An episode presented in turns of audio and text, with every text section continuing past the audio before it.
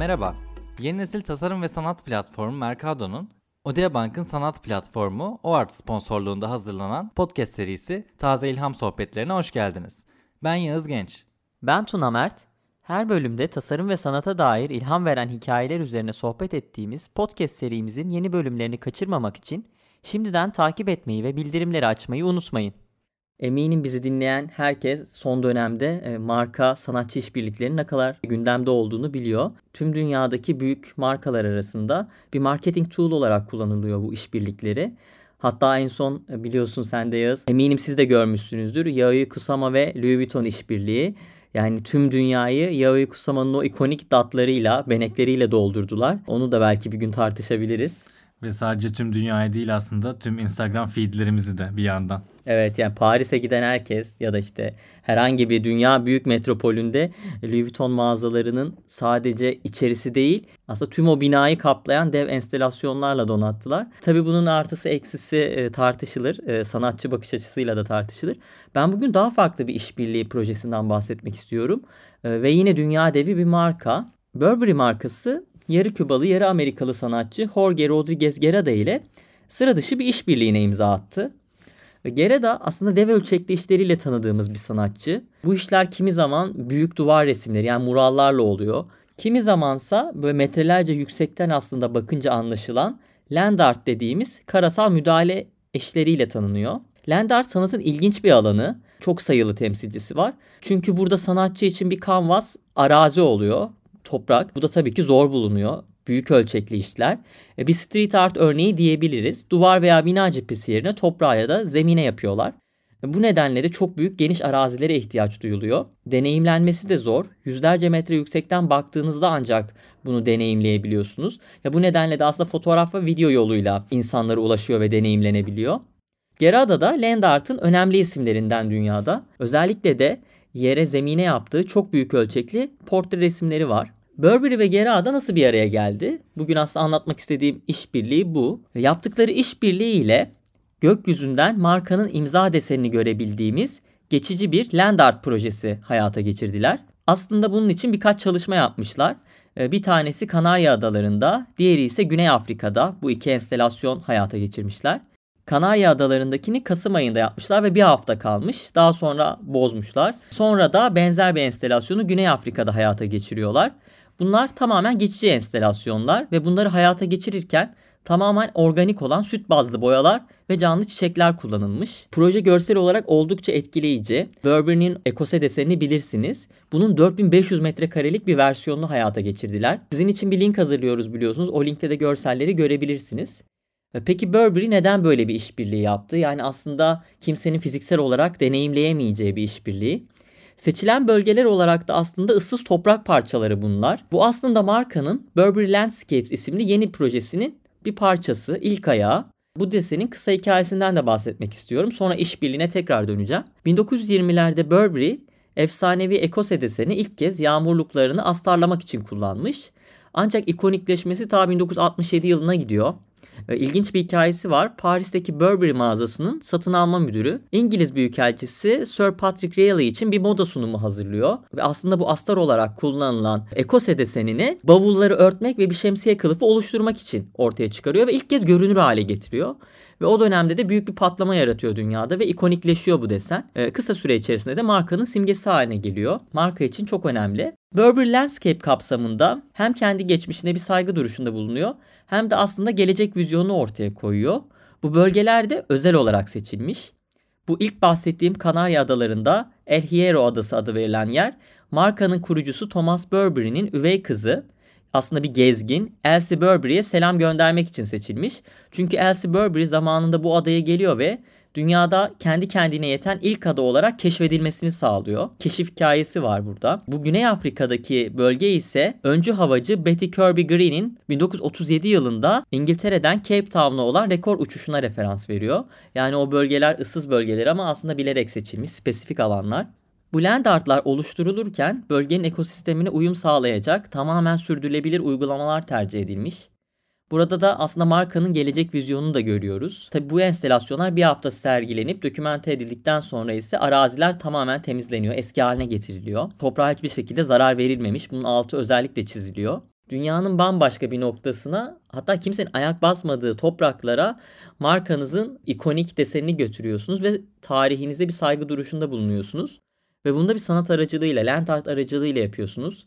Markaya dair çok da şey anlatıyor bence bu. Beni en çok etkileyense bunun tamamen geçici olması. Proje farklı lokasyonlarda da devam edecekmiş. O seçilecek lokasyonları da açıkçası merak ediyorum. Proje beni iki arada bıraktı açıkçası. Çünkü ben e, bu projeyi gördüm ama çok detayını okumamıştım. Geçen hafta gördüm. Benim zannettiğim şeyden farklıymış. Öncelikle ben zannettim ki gerçekten hani dünyanın e, ücra bir tarafında, toprağında bir şey yetiştirilmeyen bir yerde hani kalıcı olarak e, oraya çeşitli bitkiler yerleştirilerek orada işte dayanabilecek, yaşayabilecek. Hani hem o toprağı da canlandırıyor hem de böyle bir land art projesi zannetmiştim. Ya tabii ki bir kısmında biyo bozunur veya işte doğaya zararı olmayan doğal malzemelerden yapılan hani boyalar kullanılmıştır sonuçta. Bitkiyle o kadar net bir görüntü çıkarılamaz ama ben hani daha kalıcı biraz daha o bölgenin toprağını da güçlendirecek bir şey olarak düşünmüştüm. Şimdi böyle deyince bir ters köşe oldum açıkçası. Ama ilginç bir proje. Bu tarz projelerin de e, ortaya çıkışı aslında teknolojinin hep gelişmesinden faydalanıyor bir şekilde. Yani dronlar olmasa mesela bu land art projelerini kimse çok fazla yapmaya devam edemezdi herhalde. Çünkü kim görecek? Göremiyoruz. İkincisi de ıı, sosyal medya ve pazarlamanın gücü aslında. Ee, bunun da çoğu zaman böyle sanki kötü bir şeymiş işte sosyal medyaya düşmek veya işte böyle çok like alsın diye bir şeyler yapmak falan gibi konuşuluyor işte bu tarz işbirliklerinde. Ama aslında bu da bu tarz projelerin yapılabilmesine imkan veren bir durum. Yani eğer ki pazarlama adına böyle değerli bir şey olmasa, böyle farklı bir şey yapma arayışına girmese insanlar e, bu land art alanında da e, ne tarz eserler çıkabilir? Pek fazla çıkamaz. Ondan dolayı da bence ilginç bir proje. Kalıcılık ve geçicilik noktası aslında bu projenin temel kararlarından bir tanesi bunun tamamen geçici olması, geçici bir müdahale olması markanın en bilinçli tercihi olmuş projede. Ben de ilk gördüğümde bunlar kalıcı mı acaba diye düşünmüştüm. Ama orada şöyle bir şey geçiyor. Ee, web sitesinde bunu detaylı bir şekilde anlatmış Burberry projenin web sitesinde. Hiçbir şekilde toprağa müdahale edilmeden e, bir hafta sonra o toprak geri eski halinde yaşayabilecek şekilde ıssız, kimsenin dokunmadığı bir halde bırakıyorlar. Ama bence şey çok ilginç.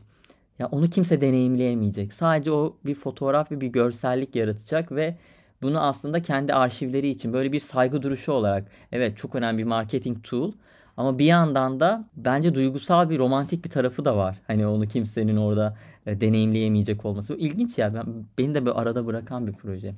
Bu arada land art örneği daha fazla görmek isterseniz Junior isminde bir sanatçı var. Belki birçoğunuz da biliyorsunuzdur. Junior'da özellikle sosyal konulara dikkat çeken bir sanatçı. Onun da çok iyi land art örnekleri vardır. En son Ukrayna Savaşı için de yapmıştı. Meksika'da işte veya işte Latin ülkelerinde yaptığı çok iyi işler var. Meksika Amerika sınırında bir şey yapmıştı. Onun da bence işlerine göz atabilirsiniz. Evet madem modadan başladık ben de moda ile ilgili aslında bir projeye değinecektim. Bir deneyimden bahsedeceğim.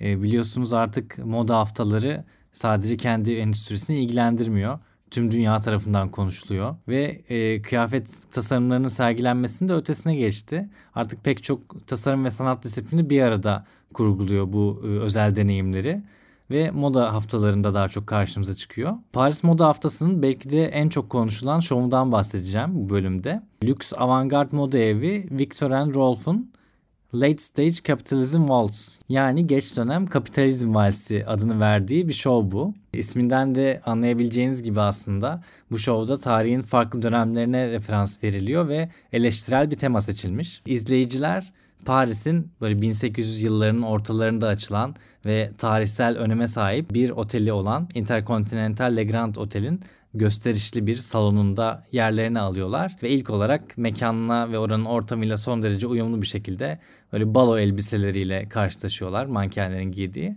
Ancak 18 elbisenin sunulduğu bu deneyim başladığı gibi böyle tahmin edilebilir bir şekilde e, sürmüyor tabii ki. İlk elbiseleri izleyen sonraki tasarımlarda e, böyle üst vücuda oturan eteği kabarık balo elbiselerinin mankenlerden giderek kopmaya başladığını görüyorlar.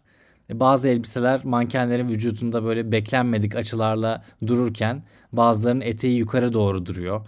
Bazıları hatta mankenin başını kapatır şekilde tam ters bir şekilde mankenin üstünde görüyoruz elbiseleri. Ve bazıları ise neredeyse mankenin üstünde bile değil. Onun yanında adeta havada süzülerek gidiyor. Havada yüzerek gidiyor bu elbiseler. Ve bu sıra dışı sunum esnasında hiçbir elbise klasik balo elbisesi formunu asla bozmuyor. Yani içinde onu giyen bir manken olmasa da veya böyle mankenin vücudunda 90 derece açıyla da dursa aynı bu tasarlandığı formda kalıyor. İşte üst kısmı net korse gibi, alt kısmı kabarık etek. Tam da bu noktada aslında anlattıklarımı böyle iyice gözünüzde canlandırabilmeniz için sizin için hazırladığımız linke tıklamanızı öneriyorum. Oradan görsellere göz atabilirsiniz. E, bu bahsettiğim ilginç deneyimde tasarımcılar e, soyut bir gerçeküstülük duygusunu vermek istediklerini belirtmişler. Aslında eleştirilen şey modanın zaman zaman e, giyen kişiye değil bir ideaya hizmet ettiği. Bunu da içinde onu giyen bir insan olmasa da aslında çizildiği formda kalan, insanın yapısıyla çatışsa bile, vücudunun yapısıyla çatışsa bile kendi formunu bozmayan elbiselerle ifade etmişler. Yani tam bir yabancılaşma söz konusu. Artık mankenlerle elbiseler tamamen birbirinden yabancılaşmış bu şovda. E, aynı zamanda modanın tek tip bir bedene hitap etmesi de eleştiriliyor bir yandan. Çünkü giyecek kişilerden bağımsız olarak var oluyor bu elbiseler. Mankenin üzerinde 90 dereceyle dik olarak da dursa, işte ters de dursa, havada da süzülse kendi bildiğini okuyan elbiseler aslında bunlar. Uyum sağlamıyorlar. Ya ben bu konunun bu kadar böyle dikkat çekici bir şekilde ele alınmasını sevdim açıkçası. Bir deneyim olarak bir moda şovunda tamamen kişiden bağımsızlaşan, yabancılaşan elbiselerin sunumunu. Sen ne düşünüyorsun? Valla her sene bu moda şovlarında beklenti bir üste çıkıyor bence. Ben genel olarak e, yaptığı eleştiriyi, verdiği mesajları çok beğendim. Sadece şey noktasında biraz hani soru işaretim var. Yani artık bu moda şovları tamamen birer eleştiri alanları mı ona mı dönüşüyor? Ee, eğer öyleyse tasarımsal olarak biz ne görüyoruz? Orada nasıl bir beklentimiz var? Ya ben oralarda da ikilemde kalıyorum açıkçası son dönemde. Orada bir şey anlatılıyor, bir mesaj veriliyor vesaire ama tasarım noktasında yeni ne katılıyor? Orada böyle bir tereddüt ediyorum. Ama verdiği mesaj olarak hem çok güçlü e, hem de e, çok net bir şekilde tüm dünyaya yayıldı. E, bu arada tasarım anlamında bu markanın yani Victor Rolf'un geçen seneki Paris Moda Haftası'ndaki şovuna göre bence e, bayağı bir seviye yükseltmişler. Kısa bahsedeyim belki hatırlarsınız onu da. Böyle büyük kocaman renkli tülden kabarık elbiselerin üzerinde kocaman mottolar yazıyordu. Öyle bir moda şovu yapmışlardı. E, o bence biraz kolaya kaçmış bir fikirdi. Fazla bir derinliği olduğunu düşünmüyordum bu seneki şovlarını görmesem marka ile ilgili algım çok farklı bir yerde kalmış olacaktı.